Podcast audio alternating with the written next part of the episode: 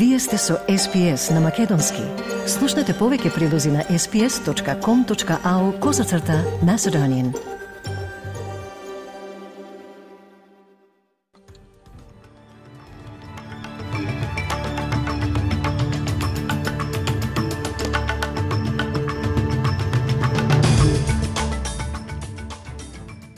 Добар ден и од мене. Во денешниот билтен вести издвојуваме – следат попасни временски услови, а шумските пожари го затвараат нулабор.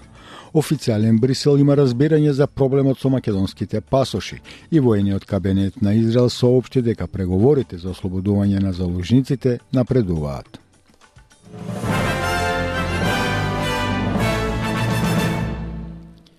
Службите за итни случаи на Викторија се подготвуваат за попосни временски услови. Една недела откако шумските пожари и бурите ги срамнија имотите и оставија половина милион домови и бизниси без струја. Температурите се очекуваат да надминат 40 степени во делови од државата, а невреме подосна денеска ќе донесе ветрови со брзина до 80 км на час и суви молни. Целосните забрани за пожари се прогласени за шест викториски региони, при што областите Мале, Вимера, Нортен Кантри, Норт Централ, Саутвест и Централ Дистрикс се соочуваат со екстремна опасност од пожар. Предупредувања за екстремни пожари се издадени и во Јужна Австралија, Тасманија и Западна Австралија, каде службите за итни случаи ги гаснат пожарите од почетокот на летото.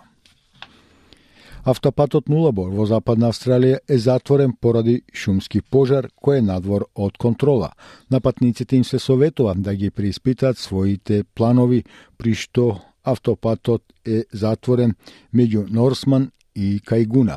Во сила е предупредување за следење и действување на областа во близината на Баладонија Родхаус и јужниот дел на Баладонија. Службите за итни случаи ги советуваа оние во Баладонија, Ротхаус да заминат и да се упадат на запад кон Норсман. Пожарникарите се борат со пожарот среде силен ветар и високи температури.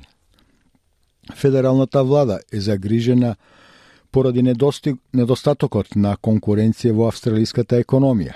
Олеснувањето на трошоците за живот е на врвот на политичката агенда оваа година со неодамнешниот извештај нарачан од Австралискиот совет на синдикати, според кој недостатокот на конкуренција ја зголемува инфлацијата. Владата наложи преглед на кодот за храна и намирници и ја наложи потрошувачката група избор да обезбеди квартални извештаи за споредба на цените за намирниците кај различни трговци на мало. Помошник министер за конкуренција, добротворни цели, трезори и вработување Ендрю Ли изјави за ABC дека прехрамбениот сектор во Австралија е поконцентриран од другите пазари. Well, we've got a highly concentrated supermarket sector, much more concentrated than, say, Britain or the United States. And one of the standard rules of economics is when you've got too few players, you tend to have prices that are too high. Uh, one of the challenges in the past has been the heavy squeezing of suppliers, and most of the focus in supermarket policy has been on the prices that suppliers receive through the Food and Grocery Code of Conduct. Increasingly now, though, we're also looking at the impact on consumers. Освен Грција, ниту една друга земја членка на Европската Унија не прави проблем за патување на македонските државјани со пасоши со старото уставно име, констатирал Комитетот за патни исправи, тело на Европската комисија. На состанок дебатирале и се изјаснили дека имаат разбирање за незавршениот процес за промена на документите во Македонија. Го известиле министерот за внатрешни работи Панче Тошковски, но сепак е потенцирано дека крајната одлука зависи поединечно од секоја држава. Тошковски вели дека ова важи за нашинците кои се во земјите членки на Европската Унија, но ако влезат во Македонија, нема да може да излезат без да го сменат пасошот имаат право да влезат во Македонија, а ќе не можат да излезат. И сега, Европскиот комитет дава препорака на своите членки да имаат разбирање. Освен доколку не процени некој од државите дека не треба да има разбирање. А ние немаме разбирање. И сега што правиме? Само Македонија, освен Грција, ама нели со нив имаме билатерален договор, па сега они се ги штитат нивните интереси, само Македонија ќе крши основно човеково право, а тоа е правото на слобода да за движење. Министерот за надворешни работи Бојар Османи во изјава за медиумите рече дека погрешно била интерпретирана веста од Брисел. Државите сами одлучувале како се однесуваат со македонските граѓани на нивна територија. Државите носат секоја за себе одлука. Нема политика во која што Европската Унија ќе донесе, бидејќи има многу такви политики, Европската комисија ќе донесе одлука и таа важи за сите земји.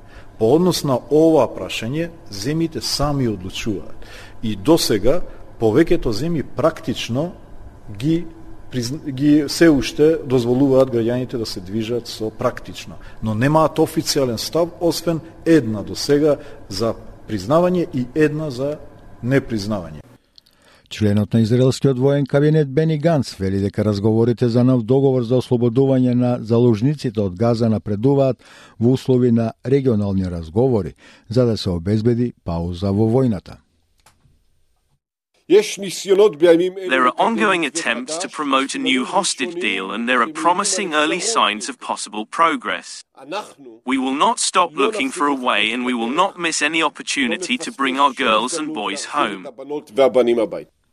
Сепак, тој вели дека ако не се постигне нов договор, израелската војска ќе продолжи да се бори во Газа и во муслиманскиот свет месец Рамазан, кој започнува на 10 март на високото психолошко тело на Австралија. Ја покажа својата поддршка за должноста за грижа за климатските промени, што и се наметнува на владата.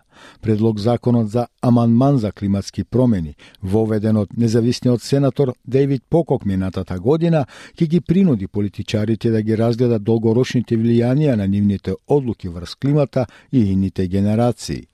На последната јавна расправа пред извештајот на комисијата следната недела, Кралскиот австралиски и новозеландски коледж за психијатри повика менталното здравје да биде соодветно заштитено со законодавството.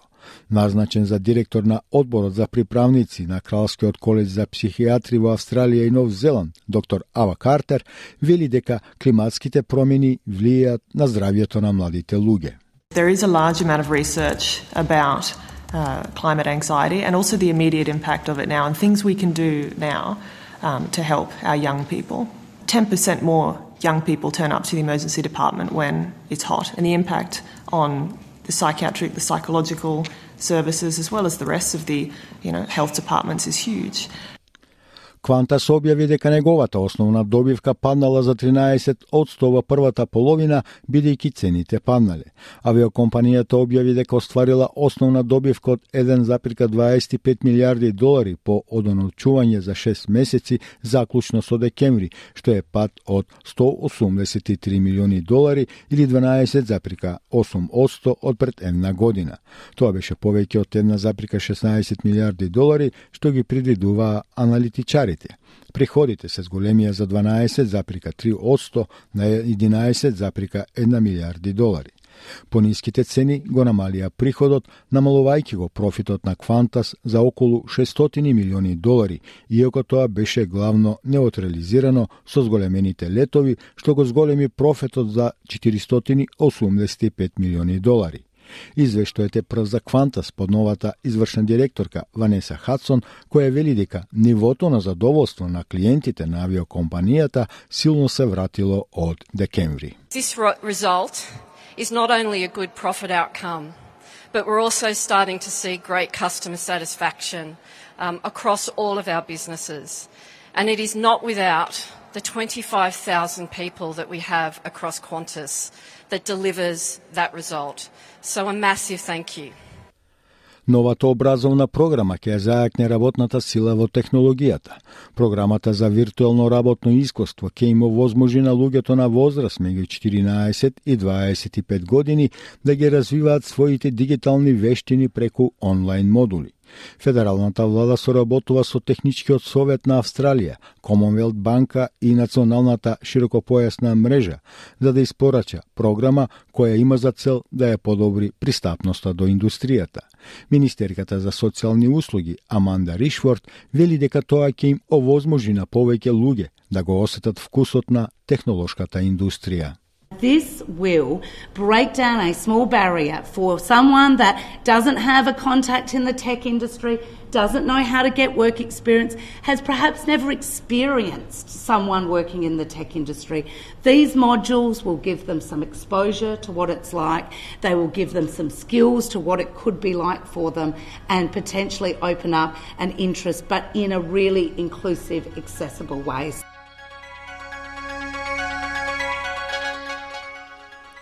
Од денешната курсна листа, еден австралијски долар се менува за 0,60 евра, 0,65 американски долари и 37,4 македонски денари, додека еден американски долар се менува за 56,59 македонски денари, а едно евро за 61,8 македонски денари и прогно... временската прогноза за поголемите градови во Австралија за утре, петок, 23 февруари.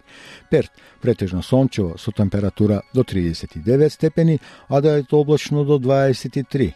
Мелбун, кратки повремени врнежи до 21, Хобарт делумно облачно, исто така 21 степен. Во Камбера, услови за развој на врнежи, можна и бура до 32, слично време и за Сидни, но со температура до 35 степени. Во Бризбен ќе биде сончево до 34, Дарвин слаби повремени врнежи, можна и бура до 32 степени и во Алес Спрингс сончево со температура до 40 степени.